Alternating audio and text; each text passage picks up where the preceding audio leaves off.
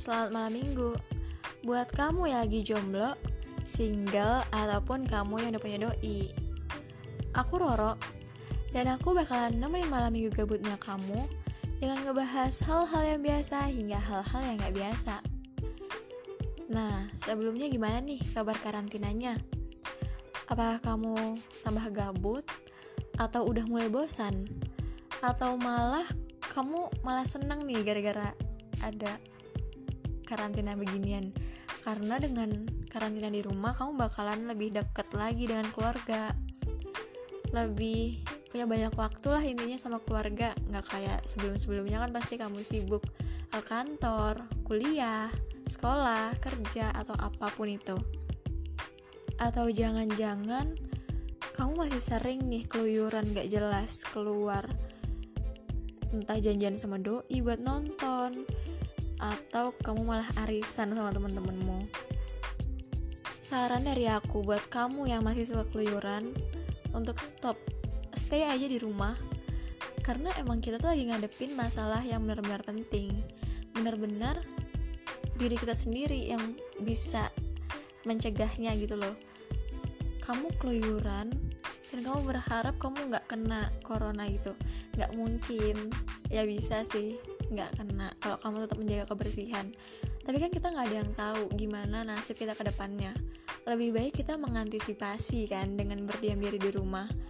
Masak masakan sendiri. Dan jangan lupa untuk berjemur dan jaga kebersihan oke? Okay?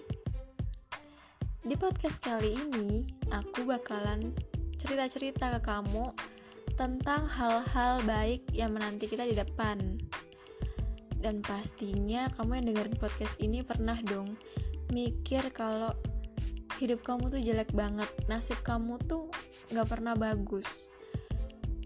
Terus kayak yang punya masalah tuh cuman kamu doang. Dan tanpa kamu sadari, kamu pasti bakal mikir kayak banding-bandingin hidup kamu gitu dengan orang lain. Dengan statusnya tuh orang yang kelihatannya gak punya masalah, yang emang baik fine-fine aja gitu hidupnya. Pasti pernah kan kayak mikir kok hidupnya aku nggak kayak dia ya? Kok kayaknya dia nggak pernah punya masalah ya? Ataupun kok kayaknya dia walaupun jahat tapi hidupnya lurus aja ya gitu fine fine aja. Kayak nggak pernah dapat karma lah atau apa pun itulah aku nggak tahu. Dan pastinya emang kamu pernah mikir hal kayak gitu. Aku juga pernah soalnya dengan kamu ngelihat kehidupan orang lain yang fine-fine aja gitu itu ngebuat kayak kamu mikir yang ngadepin masalah tuh cuman kamu doang. Yang punya beban tuh cuman kamu doang. Yang hidupnya jelek tuh cuman kamu doang gitu loh. Jadi orang lain tuh nggak pernah ngerasain yang kamu rasain. Padahal belum tentu kan. Karena setiap manusia tuh punya masalahnya masing-masing punya porsinya masing-masing punya kebahagiaannya masing-masing. Dan setiap manusia tuh nggak mungkin sama. Nggak mungkin sedikit pun sama nggak mungkin. Karena itu semua tuh kembali ke diri kita masing-masing. Gimana cara kita nanggepin persoalan itu? Gimana cara kita nyikapinnya? Kan karena cuma diri kita sendiri yang bisa ngatur gimana biar masalah itu nggak kelihatan ke orang lain? Gimana biar orang lain tuh mikirnya kita tuh emang bahagia emang gak punya masalah. Gimana caranya buat itu kan? Dan ya emang masih ada orang yang terang-terangan ngeliatin masalahnya ke publik. Dan juga ada orang yang menutupi masalah itu biar nggak kelihatan. Karena memang kita tuh nggak bisa ngerasain apa yang orang rasain.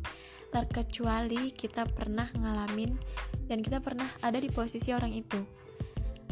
Terus kita tuh nggak pernah tahu apa yang orang lain alamin. Terkecuali orang lain itu cerita ke kita tentang masalah yang dihadapinya ya karena orang tuh kan punya privasinya masing-masing. Terus kayak mikir gitu loh buat apa aku cerita ke dia? Emang dia bakalan ngasih solusi? Atau emang dia bakalan dengerin ceritanya aku? Atau apa pun lah. Dan menurutku kamu stop sih mikirin hal-hal kayak gitu. Mikirin kayak kehidupan kamu dengan kehidupan orang lain kayak banding-bandingin gitu. Nggak bakal ada selesainya gitu loh. Kayak percuma kamu tuh mikirin kayak gitu tuh percuma. Karena emang iya dengan kamu mikirin hal-hal kayak gitu? Masalah kamu tuh bakalan hilang gitu enggak kan? Jadi stop sampai di situ. Kamu mendingan mikir hal-hal positif kayak masalah yang diderita orang lain tuh bisa jadi masalah itu lebih besar daripada kamu. Kamu coba deh mikir apakah kamu pernah ngalamin yang orang lain alamin ataupun masalahnya orang lain yang sebesar gajah itu pernah kamu alami itu nggak mungkin. Dan kamu tuh harus mikir pada saat orang lain itu tuh ngadepin masalah yang cukup besar yang lebih besar daripada kamu rasain gimana sih cara dia tuh nanggepin masalahnya?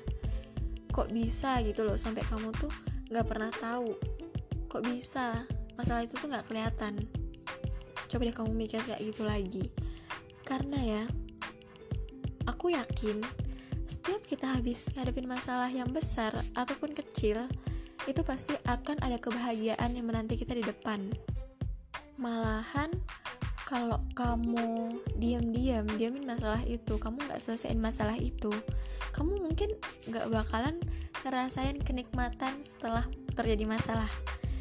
Jadi kamu mungkin nggak pernah ngerasa bahagia sehabis ada masalah. Kayak nggak ada hikmahnya gitu loh. Jadi menurutku kamu yakin aja di dirinya kamu. Saya kamu lagi ngadepin masalah nih kamu yakin setelah ada masalah ini kamu bakalan bahagia. Dan ba kebahagiaan itu tuh nggak mungkin dirasain sama orang lain. Kayak seolah-olah kamu doang yang bahagia di dunia ini.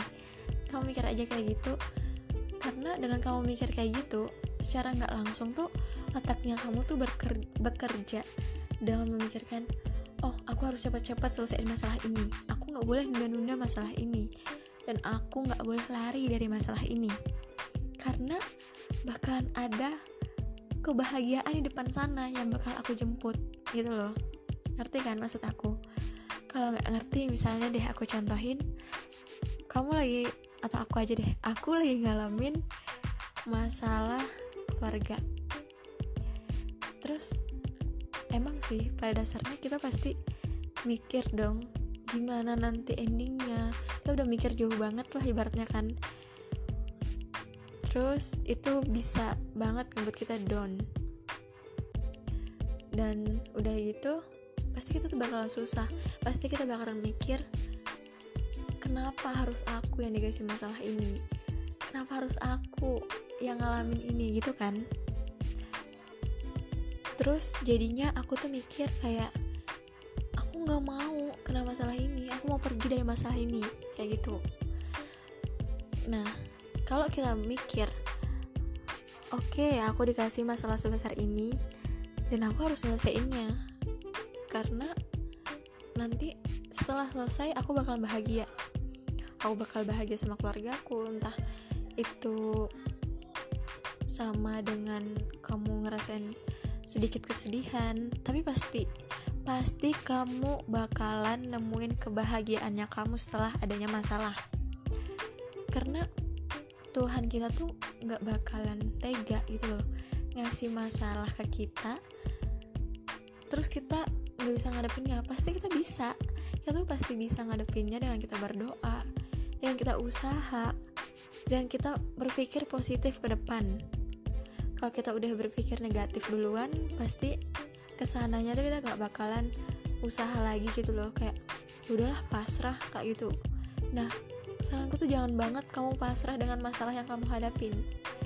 Dengan kamu pasrah kamu tuh malah bakalan nyalahin dirinya kamu gitu loh. Pasti kamu gak bakalan dapetin apa yang kamu inginkan apa yang kamu perjuangkan itu pasti gak bakalan dapat percaya deh sama aku. Malah ya harusnya tuh kamu tuh bersyukur gitu loh. Kayak oh masalahku cuma segini kok.